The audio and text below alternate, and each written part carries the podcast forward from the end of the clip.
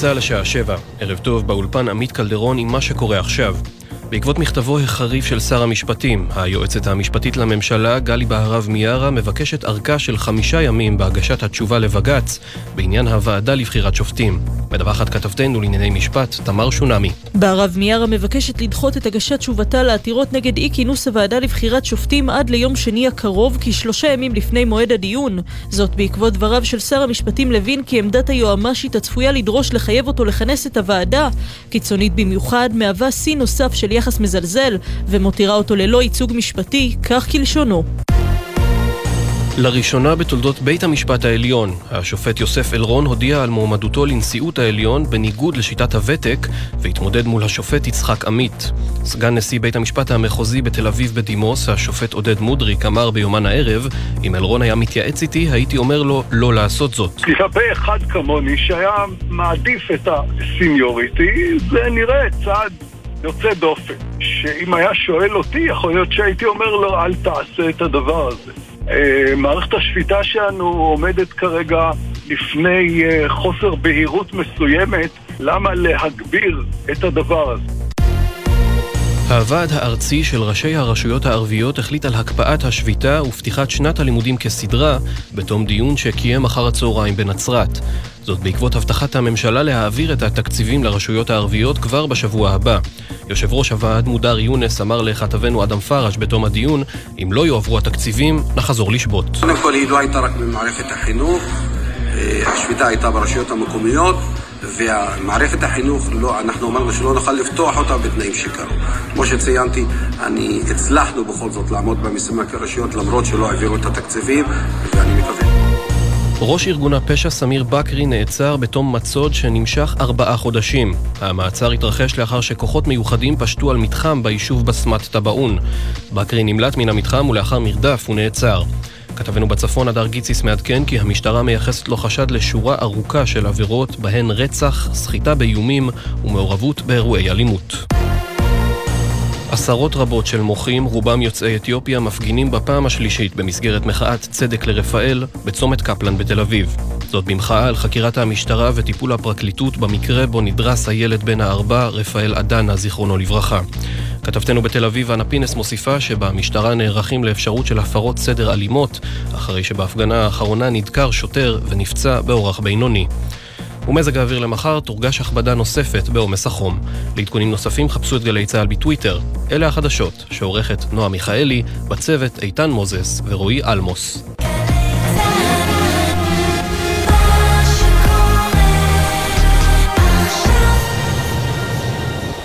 בחסות LG InstaView, המקרר בעל טכנולוגיית הנוק-נוק שהופכת את הדלת לשקופה בנקישה, שתי נקישות מכולם, LG InstaView. עכשיו בגלי צה"ל, טלי ליפקין-שחק, עם רצועת הביטחון. הבית של החיילים, גלי צה"ל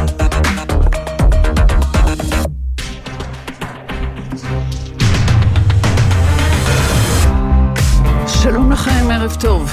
רצועת הביטחון הערב, מועצת הביטחון תצביע בקרוב על בקשה להגבלת יכולת התנועה והפעולה של יוניפיל בלבנון, ברקע המתיחות בצפון וההצהרות הישראליות ברוח זו. שנתיים לסיום ה-Forever War, מלחמה תמידית באפגניסטן עם השלמת הנסיגה של כוחות ארצות הברית מכבול ביציאה בהולה ומתוקשרת.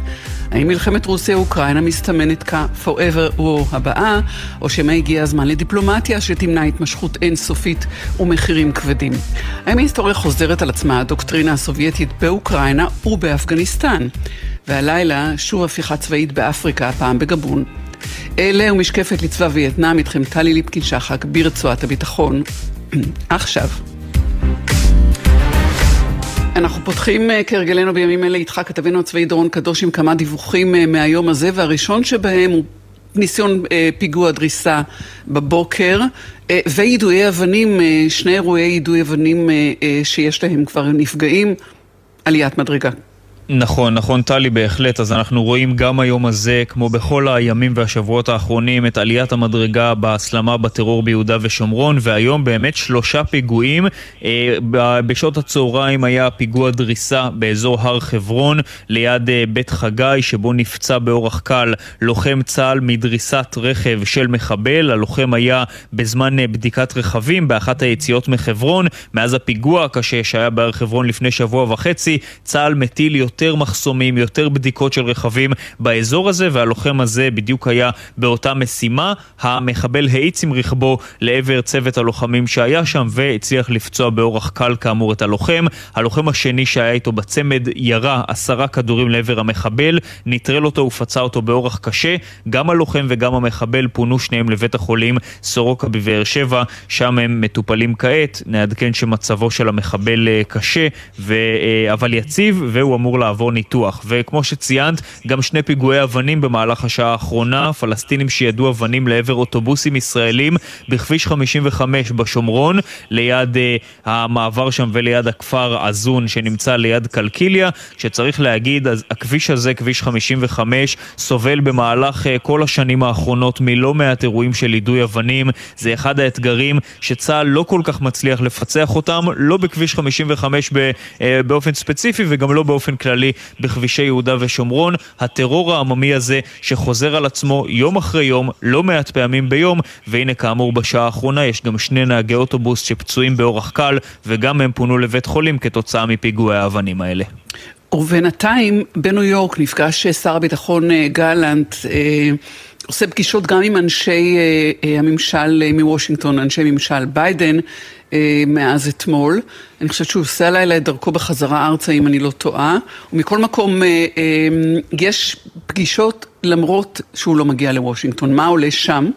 נכון, למרות שהוא לא מגיע לוושינגטון אה, בעקבות האיסור של ראש הממשלה, אה, כן צריך להגיד שהוא נפגש עם אנשים בדרג ביניים אה, בביקור שלו בניו יורק, למשל עם ברט מגורק, היועץ של הנשיא ביידן לענייני המזרח התיכון. אחד העניינים המרכזיים והמעניינים שעולים שם זה ההסכם הצפוי עם סעודיה, כשגלנט מדגיש עד כמה חיוני לייצר בתוך הסכם עתידי כזה גם הסדרים ביטחוניים, והכוונה כמובן למה שסעודיה תקבל בהיבט הביטחוני. הביטחוני, ואולי הדבר שהכי מדאיג את מערכת הביטחון הישראלית בעניין הזה, זו הדרישה של סעודיה לתוכנית גרעין אזרחית, ולא סתם תוכנית גרעין אזרחית, אלא גם כזו שתהיה העשרת אורניום בשטחי סעודיה עצמה. זה דבר מורכב למדי שבמערכת הביטחון לא יכולים לקבל אותו, לפחות לא באופן אה, מלא כפי שהסעודים דורשים, אלא צריך לבדוק איך עושים את זה בצורה שבכל זאת תשמור על היתרון האיכותי של ישראל, וזה בדיוק מה שאומר שר הביטחון במהלך הלילה הזה ליועצו יועצו של הנשיא ביידן,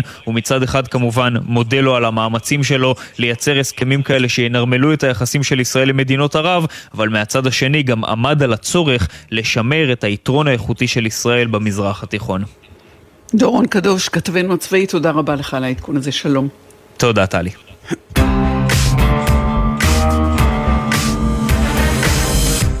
עד אה, נורמליזציה עם סעודיה אנחנו מתמודדים אה, עם מתיחות גוברת בלבנון או בגבול הלבנוני, גם אה, אה, דיון, אה, הצבעה במועצת הביטחון של האו"ם לבקשה לצמצם את היקף הפעילות של יוניפיל, לעצר את צעדיהם שם. האם מדובר במשבר אמיתי או במראית עין של משבר? פרופסור אייל זיסר, מומחה לסוריה ולבנון באוניברסיטת תל אביב, שלום לך. שלום וערב טוב. ערב טוב. מה אנחנו באמת רואים שם? מה שאנחנו רואים בלבנון, קודם כל מדינה כושלת, אה, מרוסקת, לא מתפקדת, אה, זאת בעיה אחת, כי בעיות מבית לפעמים מרסנות אה, ולפעמים דוחפות, נניח בהקשר שלנו את חיזבאללה, דווקא קצת יותר להתפרע, כי אין מה להפסיד. אבל הדבר שאנחנו רואים זה תהליך מתמשך של אה, שחיקת אה, מה שנקרא הישגי מלחמת לבנון השנייה, ההרתעה שהשגנו מול חיזבאללה, זה, זה, זה תהליך מתמשך לאורך uh, תקופה ארוכה, שבוודאי בשנה האחרונה, עקב מה שקורה בישראל והאופן שבו נסראללה קורא את מה שקורה בישראל, הולך ומואץ. ואז נסראללה מנסה יותר ומאתגר יותר ופרובוקציות ומעל בשטח מדינת ישראל והרבה מאוד אירועים לאורך אה, הגבול, דברים מה שנקרא על אש קטנה, אבל על אש קטנה, כלומר הוא מוכן לשחק אה, באש וזה שינוי שלא צופן טובות. כשאתה מדבר, אה, פרופסור אה, זיסר, על אה, שחיקה בהרתעה ובהישגים של מלחמת לבנון השנייה, אתה מכוון גם למנגנון שאפשר שקט שכולל נוכחות של יוניפיל? או פעילות של יוניפיל? זה, יוניפיל זה חלק מן העניין, למרות שאף אחד לא בנה מעולם על יוניפיל, ויוניפיל אה, לא לפני מלחמת לבנון השנייה וגם אחרי, ולמרות ההסכמים שכאילו נתנו להם קצת יותר אה, תוקף, אה, יוניפיל לא מנע מחיזבאללה לא להציב אפילו טיל אחד, לאחסן טיל אחד בכפרים בדרום לבנון, פשוט הוא לא נכנס לשם. אבל uh, העובדה שאפילו המראית עין הזאת, מישהו מערער עליה וקורא עליה תיגר, היא uh, מלמדת שהרבה קווים נחצו, כי בכל זאת יוניפיל היה שם ודיברו איתו והיה גורם שמעביר uh, מסרים ואתה לא רוצה לצאת נגדו בצורה בוטה, בטח לאורך הגבול וכשהיו בעיות לאורך הגבול אז כן קיבלו אותו כמי שיכול uh, לתווך ו... לפסוק ולהבהיר דברים, ואם גם אה, עליו אה, מוצא קוראים תיגר, זה, זה, זה בוודאי חלק מהתהליך הלא בריא שאנחנו רואים מתפתח בגבול הצפון. זאת אומרת, יש פה איזו אה, התגרות אה, כרגע אה, אה, רטורית. בעיקר בישראל, מעבר למעשים, אמרת אוהל, אמרת תקריות, אבל בסוף מדובר במלחמת הצהרות. אה, אה, לצורך העניין הזה, גם העמידה אתמול של שר הביטחון גלנט באו"ם וההצהרה שנתן בעניין זה היא, היא, היא סוג של מהלך, של מעשה. כן, אז, אז קודם כל זה לא רק הצהרות, כי זה אירועים יומיומיים, או אה, בוודאי כמה פעמים בשבוע לאורך הגבול, שכל אחד מהם הוא קטן ולא דרמטי. המטען שחיזבאללה כנראה אחראי עליו שהוטמן במגידו, מטען רב נפץ, אה, לא קרה שום דבר כמעט, נפצע אה, אזרח ישראלי, אבל, אבל, אבל זה בכל זאת משחק באש, ועל זה אנחנו מדברים על הצהרות שמצד אחד כאילו אה, שני הצדדים אומרים תתפסו אותי, תחזיקו אותי, תיזהרו, כלומר המטרה של נסראללה ושל גלנט ונתניהו היא לא בהכרח לגרום להתלקחות, אלא להפך. אה, להרתיע את הצד השני ולשמר איזה פאסון כלפי דעת הקהל שלהם מבית כדי שזאת לא תאלץ אותם לעשות דברים שהם לא רוצים, כן? במקום לשלוח כוח של צה"ל לסלק את המאהל, אז אתה מצהיר הצהרות, כן? אה, זה עדיף בעיניהם, אה, אבל להצהרות יש גם את ה... אה, ש... שלהם. אתה מצהיר הצהרות, אתה אחר כך לא יכול לסגת מהם. אה, נתניהו איים להרוג, לחסל את אה, במרומז, את בכיר חמאס שיושב בלבנון. נסראללה אמר זה קו אדום מבחינתי. הנה, אנחנו בונים כאן, או מניחים עוד נדבכים לעוד בעיות חדשות. פתאום נסראללה מעלה את נושא רג'ר, כי אנחנו דיברנו על המעל, אה, בקיצור, קצרות לא חסרות. ואם, אה, איך לתוך המכלול הזה אה, מתיישב המשך המב"ם, שהוא פעילות ישראלית יזומה ומתמשכת, גם על פי מקורות זרים, אבל גם על פינו? כן, אבל uh, הדבר המעניין במב"ם זה מצד אחד באמת נכושות ישראלית uh, עקבית, שיטתית, אה, לפגוע על אדמת סוריה, בנכסים של איראן, חיזבאללה, מצד שני לא נוגעים בחיזבאללה בשטח אה, לבנון. אז זה דבר אחד. דבר שני, זאת באמת אה, שאלה לאורך זמן. התחלנו במב"ם ב-2013 במציאות מסוימת, עברו עשר שנים, היו לזה הישגים. השאלה האם אה, זה ימצא את עצמו, האם חיזבאללה ואיראן ינסו לאתגר את חופש הפעולה שלנו, וגם רוסיה בתמונה, וגם בשאר בתמונה. האם אולי זה היה טוב ומוצלח, אבל זה לא שינה מהותית את תמונת המצב שבה יש איראנים על אדמת סוריה ויש אמצעי לחימה שעוברים ללבנון. אני מקווה שאצלנו לא מתבשמים מהעובדה שעוד פעם תקפנו, או דיווחים מייחסים לנו עוד תקיפה ועוד תקיפה, אלא מישהו באמת אה, בוחן את הדברים אה, אה, לעומק, ואנחנו לא, מה שנקרא, הולכים בעקבות משהו שהוא כבר אה, בן עשר שנים, וצריך לשאול אם הוא תקף ורלוונטי. בעיקר צריך לשאול איך אה, הריטואל הקבוע שאחת לאיזה זמן מדובר על מתיחות בצפון, על הסלמה, על סף אה, מלחמה ולא מגיעים לשם, אם ברגע אחד משהו בכל זאת יקרה ובסוף יחצה, יחצה הסף. קודם כל, חלק מהדיבורים במלחמה, על מלחמה זה גם המדינאים בצד שלנו, בצד השני. וגם כמובן התקשורת שמזה היא חיה. כותרת שאין מתיחות בגבול הצפון לא תספק אה, קוראים. אז, אז לכן גם דיווחי התקשורת אצלנו ובצד השני מעצימים בעיה מורכבת, אבל העובדה נשארה כשהייתה לא ישראל ולא חיזבאללה. לא אני, להבנתי, רוצים עימות גדול ולא רוצים אה, אה, מלחמה.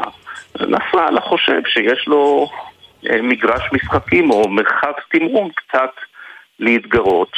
השאלה היא איך אנחנו משמרים את זה באופן שבו אה, הדברים לא יוצאים משליטה, אבל צריך לזכור תמיד שאת המלחמות פותחת בהן ישראל, לפחות בעשורים האחרונים, מלחמת לבנון השנייה, נכון, חיזבאללה התגרה, אה, חטף שני חיילים, אבל את ההחלטה לצאת מלמלחמה קיבלה אה, ישראל. וזה לא ישתנה, וזה גם יהיה המתאר בפעם הבאה, משהו שחיזבאללה יעשה, שאנחנו לא נוכל, אה, לכאורה הוא לא מצדיק, אבל לא נוכל, בעיקר מסיבות פנימיות, להקל, להכיל, אבל, אבל זה אומר שעדיין יש לנו שליטה על הדברים, אז uh, צריך להיות uh, חזקים, צודקים, אבל בעיקר חכמים. ועוד שאלה אחת שנוגעת אה, לחולשת משטרו של הנשיא אסד, ואיך אה, אה, החולשה הזאת עשויה להשפיע על האופן שבו מתפתח התרחיש של חצייה של את הסף בצפון, כן, בלי, בלי, זה, ללא זה כוונה. מד...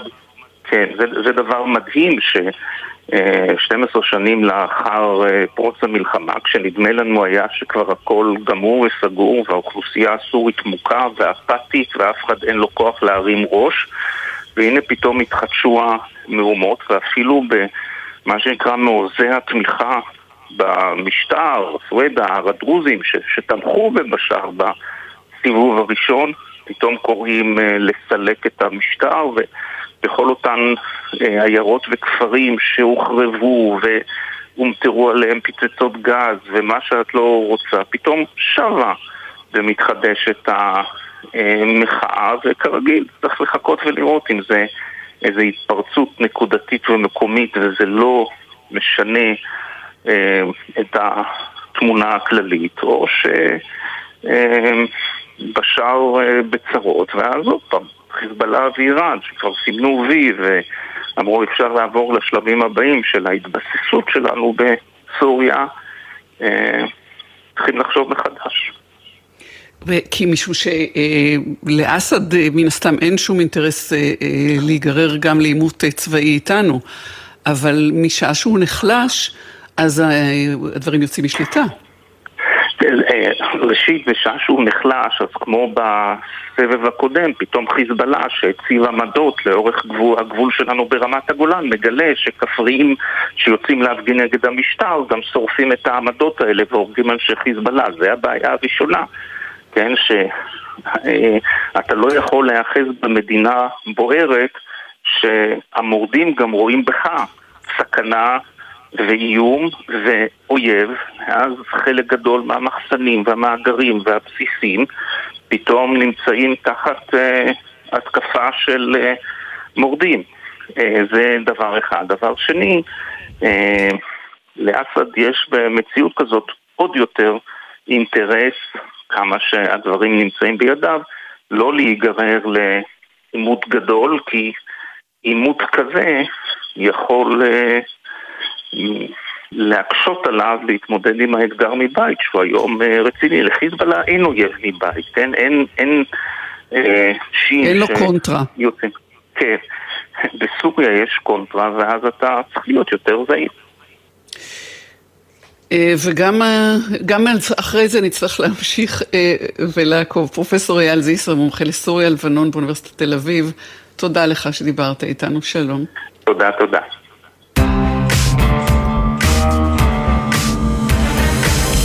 אז היום, אה, ממש היום לפני שנתיים, ראינו את הכוחות האמריקאים בשדה התעופה בכאבול, בירת אפגניסטן. אה, יוצאים אה, יציאה חפוזה שהשאירה רושם קשה מאוד אה, לסיומה של מלחמת מה שנקרא ה-forever, או המלחמה האינסופית באפגניסטן. אנחנו מדברים במלחמה ההיא, אנחנו נדבר עוד מעט גם על השאלה האם מלחמת רוסיה באוקראינה מקבלת כבר איזשהו צביון כזה משעה ששם אין הכרעות. ובינתיים זו הזדמנות לבחון את הדוקטרינה הסובייטית שהופעלה בכניסה הרוסית לאוקראינה, אה, בדומה לכניסה לאפגניסטן אה, ואיך שינו אלה את פני ההיסטוריה. דוקטור רועי נאון, חוקר בחוג לסוציולוגיה באוניברסיטת אריאל, שלום לך. שלום, ערב טוב. ערב טוב. אתה פרסמת בעיתון אה, מערכות מאמר מעניין שבו הסברת את כישלון התמרון אה, הרוסי בפתיחת המלחמה, אה, שראינו וכולנו השתוממנו מחוסר היכולת הרוסית, אמנם כושר לחימה נמוך, אבל גם מאיזו תפיסה קונספטואלית שגויה. נכון מאוד, נכון מאוד. כאשר מסתכלים על, אה, על התכנון ועל הפעלת הכוחות במהלך הפתיחה של הצבא הרוסי באוקראינה, אז אה, לא שאחר כך, אה, אה, בהמשך המלחמה, הצבא הרוסי הראה יכולות מדהימות, אבל עדיין מדובר בשלומיאליות, כאשר בוחנים את זה כמהלך פתיחה למערכה צבאית רגילה, אז מדובר באמת בשלומיאליות נוראית.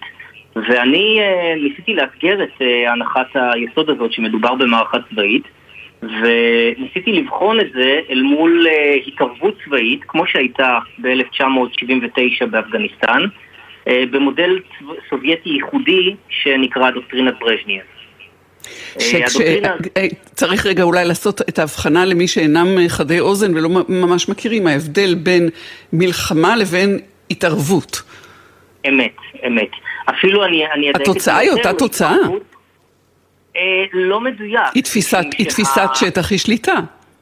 אה, כן, אבל בדוקטרינת ברז'נייב אה, ראו את זה גם באפגניסטן וגם ב-1968 בצ'כוסלובקיה, שאלה שני המקרים שבהם הופעלה דוקטרינת ברז'נייב.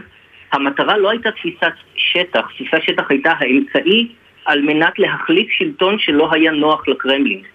Mm-hmm. וזה שונה. Okay. אוקיי. Uh, זה שונה בכמה דברים. אחד, יש כאן בדוקטרינת ברז'נייב סוג של לגיטימציה חוקית, במרכאות כפולות כמובן, משום שמדובר בעצם בחלק מהגוש הקומונ... הסובייטי, ככה לכאורה מדובר במהלך חוקי אה, שהוחלט עליו אה, אה, בברית ורשה. הדבר השני, מדובר במשטר שהוא במצב מעורער ותחת לגיטימציה פנימית נמוכה. והדבר השלישי זה שהמדינה מבודדת ולא יכולה לקבל סיוע מבחוץ. הדברים האלה לא היו קיימים באוקראינה וזו הטעות הגדולה של פוטין, שלא הבין שהוא מבצע כאן אה, מימוש של דוקטרינת ברז'נייב במצב שבו התנאים אינם מאפשרים את מימוש הדוקטרינה הזאת. כלומר, היה שם עיוורון? אה, אני, אני לא ישבתי בישיבות המטכ"ל הרוסי, אבל אני מניח שזה יכול להיות אחד משני דברים.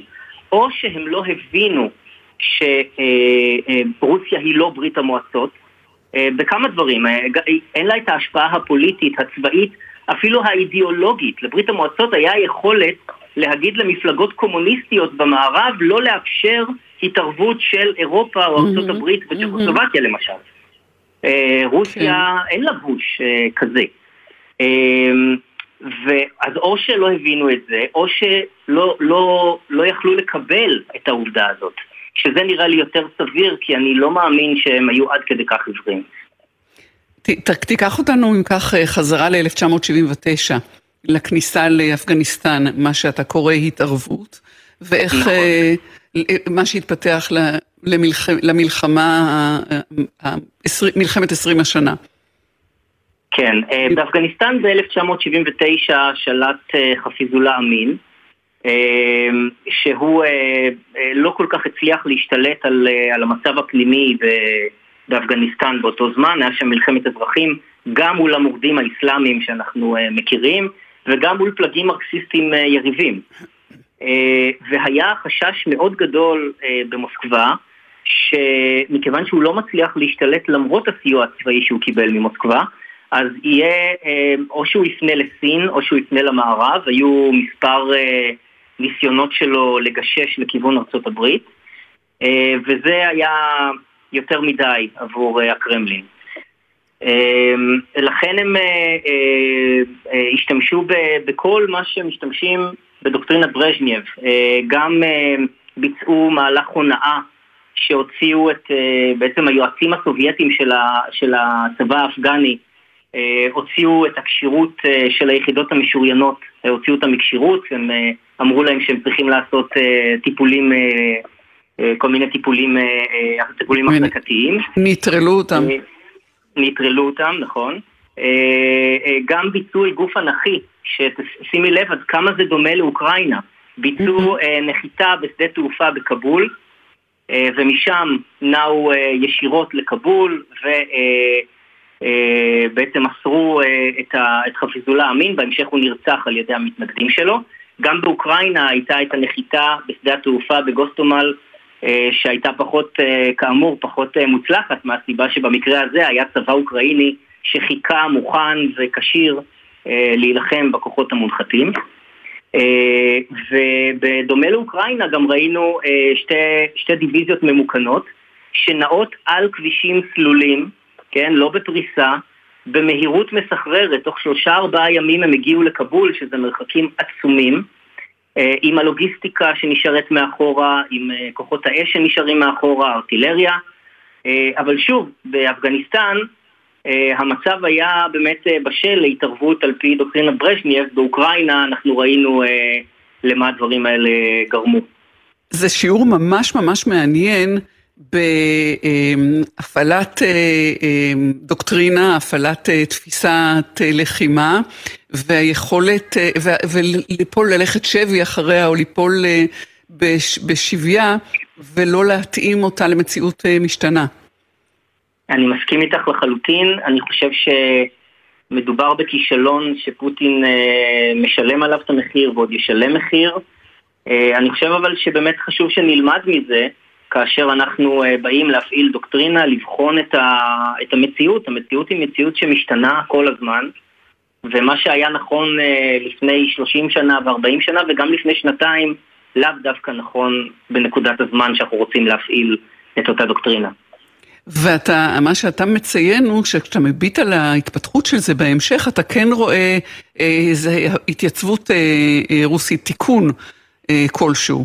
ועדיין אנחנו נמצאים במצב של התכתשות הדדית. אמת, אה, אחרי משהו כמו עשרה ימים אני חושב, אה, אם אני מנסה לנתח את ההתנהגות של הצבא הרוסי, אחרי כעשרה ימים הם הבינו שאוקיי, מדובר כאן ב, בסיטואציה אחרת, ההתנגדות היא אחרת, הם לא ציפו להתנגדות, הם ציפו למשהו שיותר דומה להשתלטות על קרים, שהצבא האוקראיני היה במצב אחר לחלוטין. וכן ביצעו אה, אה, תיקון. זה עדיין לא אומר שהצבא הרוסי הוא, אה, הוא, בא, הוא באותה עוצמה שחשבנו שהוא, או שהרבה חוקרים חשבו לפני המלחמה הזאת. אני חושב שרוסיה בכלל, אה, יש לה הרבה קילומטראז' ב, אה, בלשגע חוקרים מערביים. אה, שלא מצליחים ממש אה, לקרוא את, ה, את המציאות שלה, אה, וראינו את כן. זה בהרבה מאוד מקרים. זה מעניין. וזה, וזה גם מסקרן, אבל זה גם מאוד מהותי ומשמעותי כמובן להמשך. יש לך הערכה איך הדבר הזה ייגמר? אמ, אני, אני חושב שבמקרה הזה אני לא... אני לא... אתה תימנע. אני אמנע מהערכה.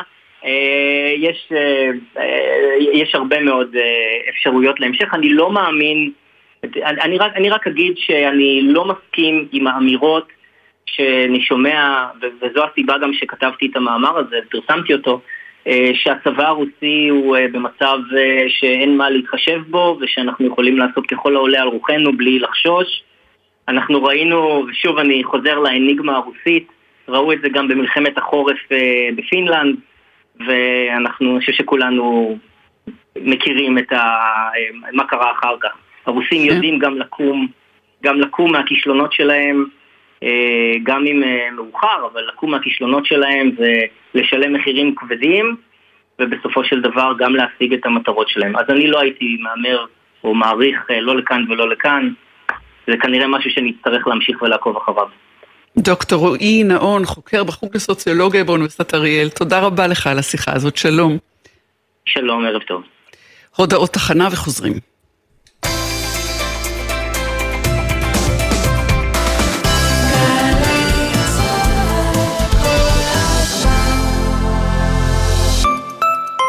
קבלנים ויזמים, שימו לב, הכל מתחבר להצלחה אחת בכרמי גת שבקריית גת. שיווק קרקעות לבניית 9,000 יחידות דיור ושטחי מסחר יוצא לדרך, ואתם מתחברים להצלחה שאפשר לבנות עליה. מתחברים למטרופולין החדש של ישראל, מתחברים לשכונה מבוקשת ומניבה על פי כל מדדי הנדל"ן, מתחברים למיקום אסטרטגי, תחבורה ונגישות, חינוך, תרבות, פנאי וספורט. תאריך אחרון להגשת הצעות, 4 בספטמבר באתר רמי. הכל מתחבר להצלחה אחת, בכרמי גת. פרטים באתר רשות מקרקעי ישראל. תקשיבו טוב, קניתי עכשיו עם התו הניתן של מנוי פיס מלן את הדברים. קניתי שתי מכופתרות, מכנסונים, מכנסנונים, זה יותר קטן, כפכפים קניתי, שקף כפים לזוויתן, מחשבון, שמרדפים. קניתי, עדן, אל תיגע לי בשמרדפים. יואו, מכור לשמרדפים, תעזוב לי את השמרדף. מנויי הפיס נהנים מתו ניתן ב-30% הנחה לקניות במגוון רשתות. עוד אין לכם מינוי? להצטרפות חייגו כוכבית 3990. תבלולו. כפוף לתקנון ולתנאי ההטבה באתר, המכירה אסורה למי שטרם מלאו לו 18, אזהרה, הימורים עלולים להיות ממכרים, הזכייה תלויה במזל בלבד. א', עצור. ב', עיר מגורים בבית. בת ים. אה, רגע, בית שמש. החלפתם כתובת? שימו לב, כדי לממש את זכותכם ולהצביע בבחירות לרשויות המקומיות במקום מגוריכם מחדש, ודאו כי כתובתכם מעודכנת בפנקס הבוחרים. לבירור התקשרו חינם, 1-800-101-975. תוכלו לעדכן פרטים עד כ"ח באלול, 14 בספטמבר, באתר רשות האוכלוסין וההגירה או בלשכות. מידע נוסף בפורטל הבחירות של משרד הפנים. עמיתי מועדון חבר, ימים אחרונים להטבות בלעדיות על מגוון דגמי קופרה 2023. המבצע בתוקף עד 8 בספטמבר באולמות התצוגה של קופרה. פרטים בטלפון כוכבית 6331 או באתר מועדון חבר. חבר זה הכל בשבילך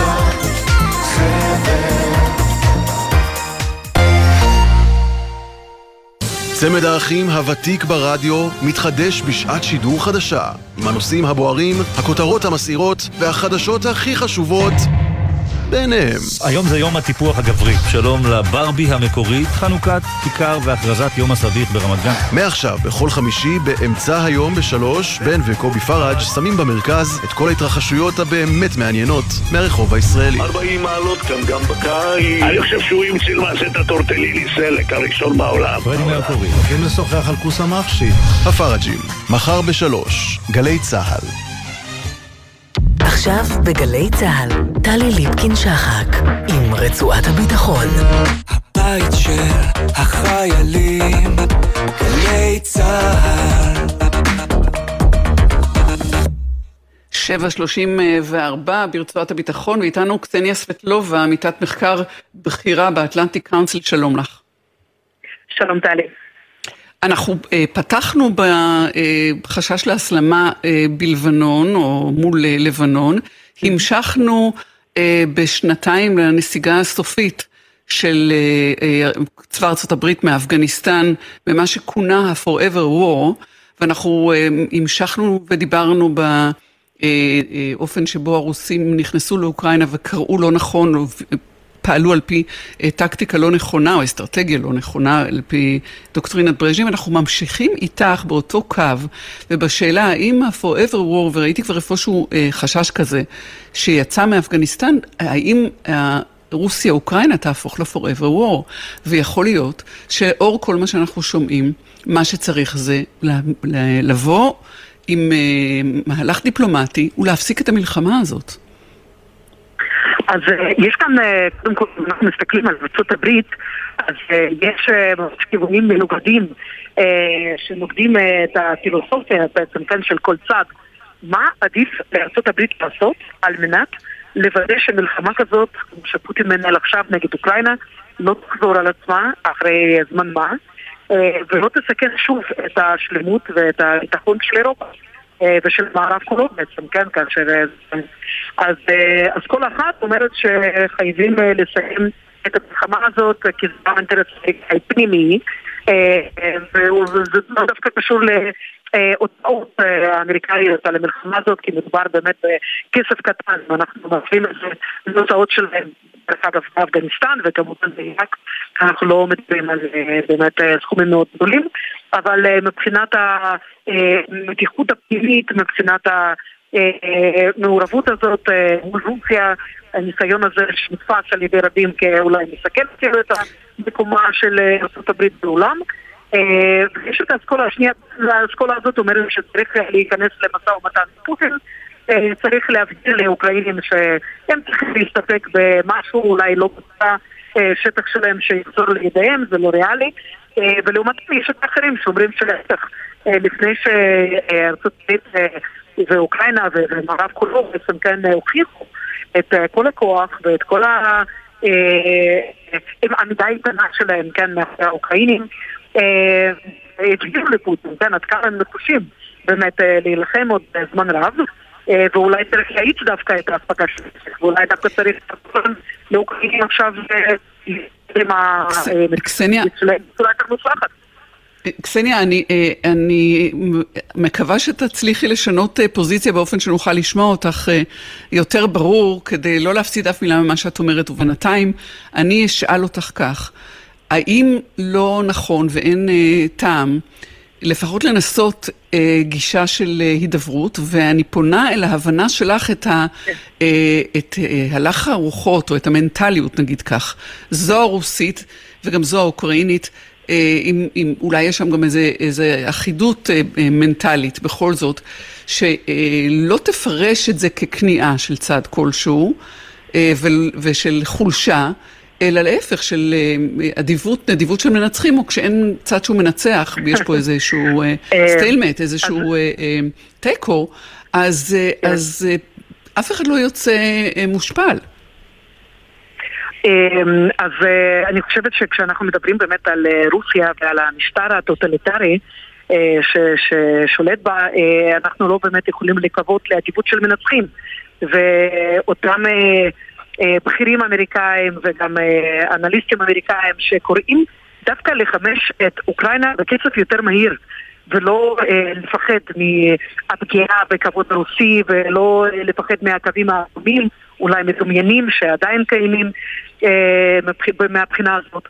אה, הם בעצם אומרים, ואני מסכימה עם אה, הרבה ממה שנכתב בזמן האחרון בעניין הזה, אה, שרוסיה תנצל אה, כל הישג, גם אם זה שטח מזערי בעצם, כן, מאוקראינה, גם אם זה רק שמירה על אה, חצי האי קרים ואולי עוד איזה חתיכה של אה, אדמה במזרח אוקראינה, היא תנצל את זה על מנת להמשיך לא רק ברטוריקה של האנטי-מערבית, אלא גם באיומים על אירופה, על מדינות אחרות, פוסט-סובייטיות במרחב הזה. ואחרי זמן מה, כי הרי תצטרך לקבל איזה שהם ערבויות אולי, אולי בהקשר של הסרה של חלק מהסנקציות הכואבות מאוד, יש לומר. תנצל את זה על מנת להתחמש מחדש, ואולי אז, כשהיא למדה מהכישלונות של עצמה, אה, לתקוף אה, שוב את אוקראינה או מדינה אחרת אה, במרחב הזה יותר חלשה, אולי מולדובה, כן, אולי מולדובה ואוקראינה ביחד, והיא תמשיך לראות סכנה לאינטרסים המערביים ולביטחון של אירופה כולה. אז יש את הניתוח הזה. אני חייבת לומר שיש פה הרבה על מה לחשוב, כי עד עכשיו הניסיון הזה להכיל את רוסיה, אנחנו רואים במה זה נגמר.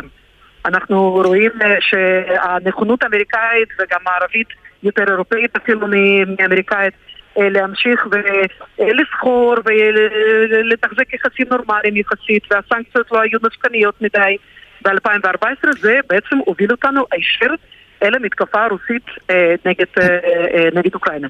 אז אה, יש אה, כמובן אסכולה אחרת שאומרת, בסדר, אנחנו לא יכולים להמשיך אה, לממן את האוקראינים לנצח וגם אה, יכולים להיות אה, חילופי אה, משמרות בבית הלבן, אי אפשר למנוע את זה. אה, אם זה יקרה, אז אה, בכל מקרה צריך לסכם עכשיו על משהו, ואז אולי לדאוג לביטחון מתוך אה, אה, מצב שבו לא נהרגים אזרחים אוקראינים כל יום, כן? אז אה, זה באמת הצד השני. כי. כי האופציה, קסניה סבטלובה, כן, האופציה כן, של מה כן. שהוא, הייתי קוראת לו, נראה כמו מלחמת חפירות, התכתשות אינסופית היום, בהבדל אחד, שהחפירות. האלה, המלחמת ההתשה הזאת היא לא מתקיימת בשדה הקרב, היא מתק- היא מתקיימת בש- בשולי העורף, זאת אומרת, בתוך האוכלוסייה האזרחית בעצם, בחלק גדול מהמם. מהמקומות, אבל אה, אלה והמחירים הם דווקא גבוהים. האוקראינים, האוקראינים שמשלמים את המחיר הזה, מחיר הדמים הזה כל יום. אנחנו רואים את זה בסקרים של דעת הקהל האוקראינית, אנחנו רואים את זה אה, כמובן אה, במיליה הפוליטי ויש פעם אחדות דעים שאסור להיכנע. שאם פוטין עכשיו יקבל משהו, הוא כמובן יפרש את זה כניצחון, והוא ינסה בעצם לפגוע באוקראינה שוב פעם, כי הרי שום דבר לא השתנה בתפיסה. אה, מבחינתו אם הוא ישיג אה, ניצחון כזה וגם אה, יסיר מעצמו חלק מהסנקציות, זה רק יאפשר לו להמשיך וגם באמצעות הכוח הרך להמשיך ולהתערב בענייניה של אוקראינה ומדינות אחרות. וזה בעצם משהו שיסכן גם את האוקראינים שוב פעם, ואם הם שילמו את המחיר הכבד הזה כה, למה בעצם לעצור באמצע הדרך? אני חושבת, טלי, אבל שאת יודעת, יש פה, יש פה קשר מאוד חזק בין חוסר ההתקדמות המספקת בעיני אה, מי שמממן אה, את אוקראינה ומספק לה את הנשק אה, בשדה הקרב, המתקפת נגד שאומנם אה, הולכת ומשתפרת אבל עדיין לא משיגה את התוצאות אה, המקוות, אה, לבין הקולות, אה, ש... קולות אה, סקפטיים שאומרים, טוב, אה, אם זה לא הולך כל כך בשדה הקרב, אולי הגיע הזמן אה, ללכת לדיפלומטיה ולנסות אה, להידבר.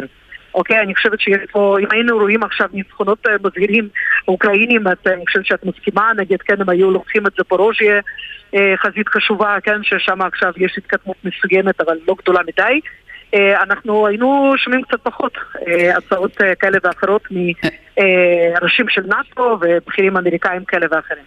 כן, אבל השאלה היא מה, מה יוכל אה, אה, לשבור שוויון, מה יוכל לייצר אה, תפנית בעלילה הזאת כרגע.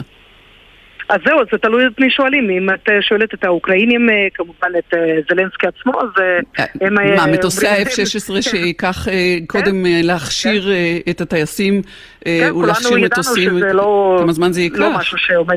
כן, זה לא משהו שעומד להתרחש עד סוף השנה לפחות, וגם כן. לא עד אמצע השנה הבאה אולי. אבל שוב פעם, כן, לפי כל ההערכות, המלחמה הזאת כן עומדת להיכנס לשנת 2024. היא עומדת כן. להימשך.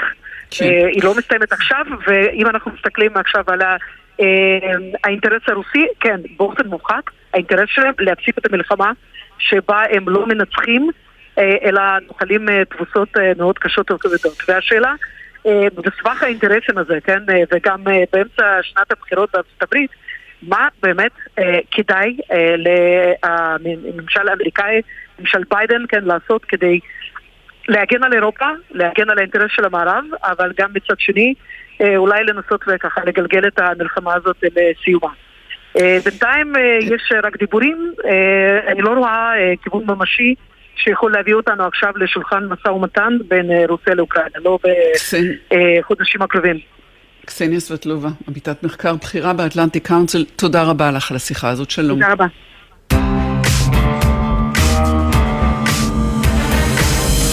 עכשיו לאפריקה, גם שם זה לא נגמר. פרופסור גליה צבר מהחוג למזרח התיכון ואפריקה באוניברסיטת תל אביב, שלום לך, ערב טוב. שלום טלי, ערב טוב. קמנו להפיכה צבאית בגבון. אה, מערב אפריקה, מרכז אפריקה, ניג'ר אה, רק לפני שבוע או קצת יותר, אה, וזה נדמה, זה מין סוג של דז'ה וו.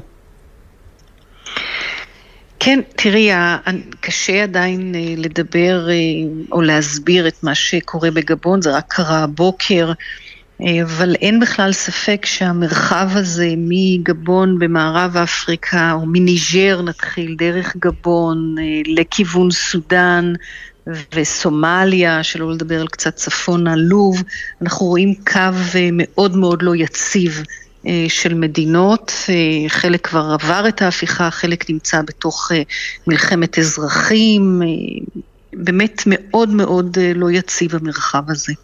ולמי יש אינטרסים? מי, מי מנענע, מערער את היציבות? זו שאלה מאוד אה, מורכבת, טלי. את יודעת, את כרגע סיימת שיחה אה, על אוקראינה ורוסיה, ואני מניחה, לא שמעתי את הקול שגם כוח וגנר עלה בשיחה. דווקא בשיחה הזאת לא, נכון, לא, וכוח וגנר לא. עכשיו, לא. גם הוא ניצב בפני אה, משבר. נכון, ואחד הדברים שאנחנו כן יודעים זה שכוח וגנר, חלק לא מבוטל מהמשאבים הכלכליים שלו, הוא בעצם אה, מוצא ביבשת אפריקה. כל מדינה שיש לה משאב טבע שהוא שכיר, כמו יהלומים ואורניום ונפט, אפשר למצוא את כוח וגנר שם. אה, ולכן כשאנחנו מדברים על אה, ניג'ר או גבון, אז סודאן, תמיד צריך לחפש גם את הכוחות האלה. אה, של כוח וגנר, וגם את הכוחות שאנחנו מכירות אותן אה, מסין, דרך אה, מעצמות קולוניאליות לשעבר, במקרה של גבון וניג'ר, צרפת.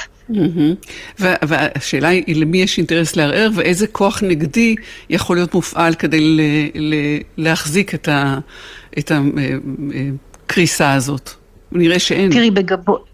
אם אנחנו מדברות על, על גבון, התחלנו בגבון, אז לצרפתים בטח לא היה אינטרס, גם לא בניג'ר, לערער את המצב, מכיוון שלהם יש הסכמים משנים רבות, גם להפקה של נפט וגם מכרות אחרות, אז זה ברור שזה לא בא מהכיוון של צרפת.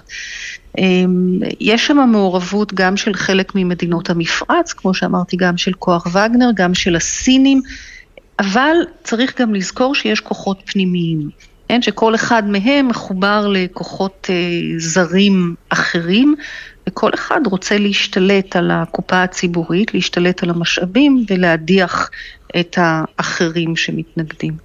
וכמובן מה שטרגי הוא, הקורבנות הם, הם נשים וילדים ועניים, אה, ואפריקה סובלת עכשיו בצורות ורעב ועוולות אה, או פשעי מלחמה. אה, פיזיים ממש. תראי, כל מה שאת אומרת הוא נכון, אני חושבת שצריך אה, במקרה הזה להפנות את המבט לפחות כרגע לעבר סודאן, או להחזיר את המבט לעבר סודאן. לגבי כן. גבון אנחנו לא יודעים איזשהו מרחב אלים, אולי זה גם יגיע, בניג'ר כבר קצת ראינו, אבל מה שקורה בסודאן הוא באמת אה, מזעזע בכל קנה מידה. את יודעת, כל פעם כשרמת האלימות עולה לאיזושהי דרגה מזעזעת, כמו אונס המוני כחלק מפשעי מלחמה של צד אחד כנגד הצד השני, אז העולם מזדעזע. וכשמסתכלים על ההיסטוריה של סודאן, טלי, למעשה, מהרגע שהבריטים עזבו, אחרי שהם גרמו לחרב את המדינה, מ-1956 כשסודאן קיבלה עצמאות, עד פחות או יותר עכשיו, ברגע שאנחנו מדברות, המדינה הזאת נמצאת במצב לחימה כמעט תמידי. בהתחלה בין הצפון לדרום, מלחמה מזעזעת עם מיליוני פליטים ומיליוני הרוגים. וברגע שדרום סודאן קיבלה עצמאות, אז דרום סודאן עצמה נכנסה לתוך מלחמת אזרחים, וצפון סודאן, סודאן של חרטום, גם היא נמצאת בעצם אה, באיזשהו מאבק אלים מאוד מאוד קשה, שהתחיל סביב המהומות אה, ב-2019 להדחה של אה, עומר אל-בשיר, מה שקרה בסוף ב-21, וכשנדמה היה שיש איזושהי קואליציה, לא חלילה ליברלית או דמוקרטית, אבל כזאת שתחליף את בשיר ובאמת תתייחס, תתייחס לצרכים של מיליוני הסודנים, אז גם התקווה הזאת נגוזה והכוחות שהדיחו את בשיר, גם בורחן וגם חמדיתי, נלחמים היום האחד בשני ואנחנו רואים תמונות מזעזעות שמזכירות לנו את הג'נוסייד בדארפור, אה, שבאמת חמדיתי גם היה אחד מראשי הג'נוסייד הזה. אנחנו שוב אה, קוראים על הזוועות הכי נוראיות, טלי, שאפשר אה, לבצע במיוחד בנשים וילדים, ולא ברור לאן זה הולך, למעט העובדה שיש 20 או 25 מיליון סודנים בסכנת רעב ממש בעודנו מדברות, ועוד מספר דומה של ילדים בלי שירותי חינוך או רפואה או יכולת בסיסית להתקיים, וזה קורה. אז עוד שאלה ממש לדאבוני קצרה, אין פרקליטים, אה, אין מי שישמור על סודאן? את יודעת, קודם כל הסודנים לא שומרים על עצמם. ואחר כך אנחנו רואים את המשך המעורבות הזרה מכל הכיוונים שדיברנו. אבל בראש ובראשונה צריך גם להפנות את האצבע להנהגה הסודנית. אה, לצד כל האחרים, ולא, הם לא שומרים על עצמם. אז מי, מי יעמוד מולם? ארגוני זכויות אדם סודנים, ארגוני uh, מהגרים סודנים, האו"ם, מי? כן, כי אנחנו מדברים, אני בכל פעם מזכירה את, את המלחמה הבלונדינית באוקראינה, ואת המלחמות הקשות באפריקה, שהן אה, נשארות בחשיכה, למרות השמש הקופחת שם. אה, כן, ההגדרה הזאת היא מלחמה בלונדינית היא בהחלט אה, הגדרה טובה, ואת יודעת, אה, כנראה שזה מושך יותר תשומת לב, ועיני העולם נשואות, וכל המשאים ומתנים או הנותנים ונושאים מתמקדים בה. וכמו שאמרת, יבשת אפריקאית היא עקובה מדם, יש בה ידיים זרות מעורבות כל הזמן. כמו שאמרתי, בכל מקום שיש בו כסף, יש פה דם. בכל מקום ש... שיש משאבים, יש צבא. וזאת, זה למעשה הטרגדיה הגדולה של היבשת. פרופסור גליה צבר מהחוג למזרח תיכון ואפריקה באוניברסיטת תל אביב, ואנחנו נמשיך ונדבר גם במלחמות הפחות מתוקשרות האלה. תודה לך. תודה, טלי. שלום.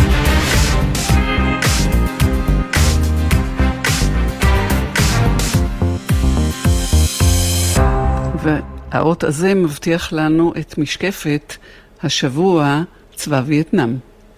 משקפת, נקודת מבט צבאית עולמית. בשבת הקרובה, 2 בספטמבר, רחובות וייטנאם יתמלאו בהמון נרגש, והדגל האדום שבמרכזו כוכב צהוב יונף אל על. ביום זה יחגגו המקומיים את יום העצמאות, ולרגע אחד יתאחדו שני חלקיה של המדינה השסועה. וייטנאם הצהירה אמנם על עצמאותה מצרפת ב-1945, אבל כבר ב-1954 היא נחצתה לשתי מדינות נפרדות, וייטנאם הצפונית, הקומוניסטית והבודהיסטית, ווייטנאם הדרומית, הקפיטליסטית והקתולית. תוך שנים ספורות הן הפנו צבאית זו נגד זו. במחצית השנייה של המאה ה-19 כבשה צרפת את חבל הודו סין, מקום משכנה של וייטנאם, והפכה אותו למושבה צרפתית. אף שבמלחמת העולם השנייה כבשה יפן האימפריאליסטית את האזור, השליטה באזור חזרה לצרפת עם סיום המלחמה, אך למציאות אחרת. בזמן הכיבוש היפני התארגנה בווייטנאם מחתרת קומוניסטית, וייטמן, בראשות הו צ'י מין, שהכריז עם סיום המלחמה על הקמת רפובליקת וייטנאם, ובירתה הנוי שבצפון. הו צ'י מין ציפה לקבל את תמיכת ארצות הברית, שהתנגדה בגלוי לאימפריאליזם האירופי הישן, אלא שראשיתה של המלחמה הקרה והנטיות הקומוניסטיות הידועות של הו צ'י מין הביאו את האמריקנים לתמוך דווקא בצרפת, שלא הכירה בהצהרת העצמאות הווייטנמית. המניע למהלך זכה לכינוי אפקט הדומינו. החשש האמריקני שנפילה של וייטנאם בידיים קומוניסטיות תביא בסופו של דבר להשתלטות הקומוניזם על כל דרום-מזרח אסיה. בגיבוי אמריקני ובריטי, צרפת פתחה במלחמה נגד המדינה הצעירה שלרשותה עמדו רק כוחות הווייטמן שהפכו לצבא. במשך שמונה שנים, מ-1946 ועד 1954, נלחמו מדינות הודו-סין לשעבר, וייטנאם, קמבודיה ולאוס, עד שסילקו את הכוחות הצרפתיים מארצותיהן. הניצחון הווייטנאמי הביא לכינוס ועידה בז'נבה, שבה נועדו המעצמות ומדינות הודו-סין לשעבר.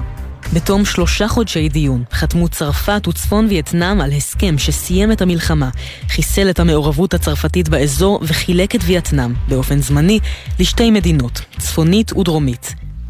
ההסכם קבע כי עתידה של וייטנאם המאוחדת יוכרע בבחירות חופשיות, שנועדו להיערך ב-1956, אך לא התקיימו מעולם. צפון וייטנאם, בהנהגתו של הו צ'י מין, הפכה למדינה קומוניסטית. בדרום וייטנאם לקח את השליטה נודין דיאם, איש עסקים נוצרי, קתולי ותומך קפיטליזם, שזכה לתמיכת ארצות הברית. כל מי שרצו לעזוב את צפון וייטנאם ולהגר דרומה הורשו לעשות זאת, וכך מאות אלפי וייטנאמים קתולים עברו לדרום, בעוד האופי הקומוניסטי בצפון הולך ומתחזק. שנה אחרי שחולקה וייטנאם, הופיעו ניצני העימות הצבאי בין שני חלקיה. עימות שיסלים ויהפוך למלחמה כואבת שתימשך כשני עשורים, מלחמת וייטנאם. ממשלת ארצות הברית וממשלת דרום וייטנאם טענו שמטרתן בעימות היא מניעה עקרונית ואסטרטגית של התפשטות הקומוניזם. ממשלת צפון וייטנאם טענה שמטרתה היא איחוד המדינה וסילוק הכובש האמריקני הזר. צבא דרום וייטנאם נלחם לצד צבא ארצות הברית בצבא הווייטמין ובגרילות הקומוניסטיות שפשטו בדרום, הווייטקונג. במלחמה נהרגו כמעט ארבעה מיליון איש. שני מיליון מאזרחי וייטנאם, לאוס וקמבודיה, מעל מיליון חיילים מצפון וייטנאם ומכוחות הווייטקונג, כ-200 אלף חיילים מדרום וייטנאם וכמעט 60 אלף חיילים אמריקנים. המלחמה נגמרה ב-1975 בניצחון מוחץ של הצפון הקומוניסטי. ב-30 באפריל כוחות הצפון כבר נכנסו לבירת הדרום, סייגון, ושינו את שמה להו צ'י מין סיטי, כך היא קרויה עד היום. איחוד רום וצפון וייטנאם הוכרז באופן רשמי שנה לאחר מכן, ולמרות שבתחילה שרתה המדינה המאוחדת במשבר עמוק, החל מאמצע שנות ה-80 בזכות רפורמות פוליטיות וכלכליות שביצעה המפלגה השלטת, החלה המדינה לזכות להכרה בינלאומית מצד העולם המערבי. כיום כלכלתה משגשגת. משקפת, יום הלאומי של וייטנאם, כתבה ורדי שפר קראה עמית לוי. עד כאן אה, רצועת הביטחון אה, הערב, מפיקה ראשית של הרצועה היא נועה נווה, מפיקים את הרצועה אליעזר ינקלוביץ' ורדי שפר ושיר דוד, על הביצוע הטכני היה ליאם גל, ובפיקוח היה אילן גביש. ביום ראשון יש לנו רצועת אה, ביטחון מיוחדת, אנחנו מתחילים בשידורים לרגל מלאת 50 שנה למלחמת יום הכיפורים. ונעסוק גם בזה. אני טלי ליפקין שחק, ערב טוב לכם כולכם, יהיו שלום.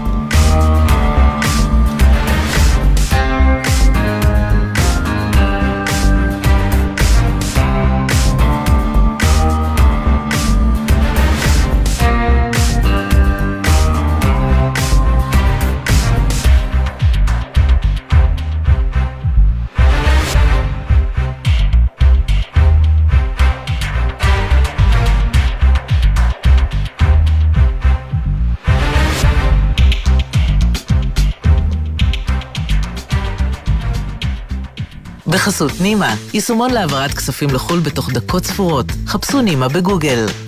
מספר רישיון 57829, כפוף לתנאי השימוש כמפורט באתר החברה. מה נשמע, נשמע, סוף השבוע,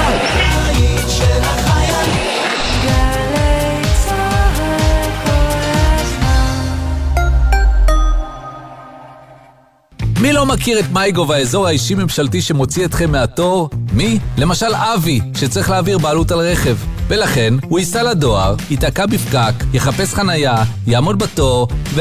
אתם מבינים? בזבוז זמן, חבל על הזמן. במקום זה, הוא היה יכול להיכנס למייגוב, להעביר בעלות, בקלות, ולקבל גישה למגוון גדול של שירותים ממשלתיים, שיכולים לחסוך זמן, כסף ותורים. חפשו מייגוב ברשת. מגישים מערך הדיגיטל הלאומי ומשרד הכלכלה והתעשייה. אני מטייל בארץ המון שנים, אבל ההסברים של המורים והמרצים במכון אבשלום היו ברמה שלא הכרתי בשום מקום אחר. מכון אבשלום, המוסד ללימודי ארץ ישראל, מזמין אתכם לחוויה לימודית רב-חושית. בואו הצטרפו לתוכניות הלימודים ולסיורים בשביל ישראל עם מרצים ומדריכים מהטובים בארץ. סיורים וטיולים לאורכה ולרוחבה של המדינה וחברים חדשים שילוו אתכם כל החיים. מכון אבשלום לידיעת הארץ מבית ההסתדרות. חפשו אותנו בגוגל. עכשיו בלוטו 20 מיליון שקלים, ובדאבל לוטו עד 40 מיליון שקלים. בומבה! המכירה אסורה למי שטרם מלאו לו 18. אזהרה, הימורים עלולים להיות ממכרים. הזכייה תלויה במזל בלבד.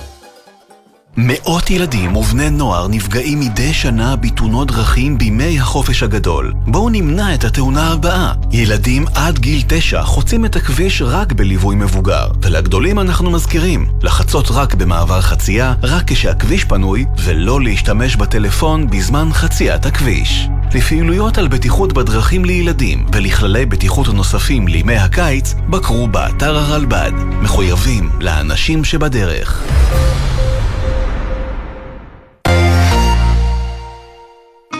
אליעד, מופע העשור.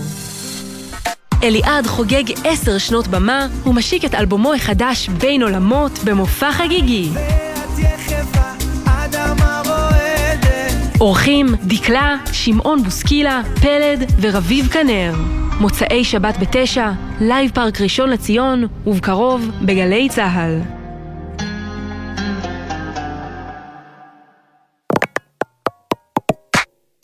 מיד אחרי החדשות, יולי רובינשטיין.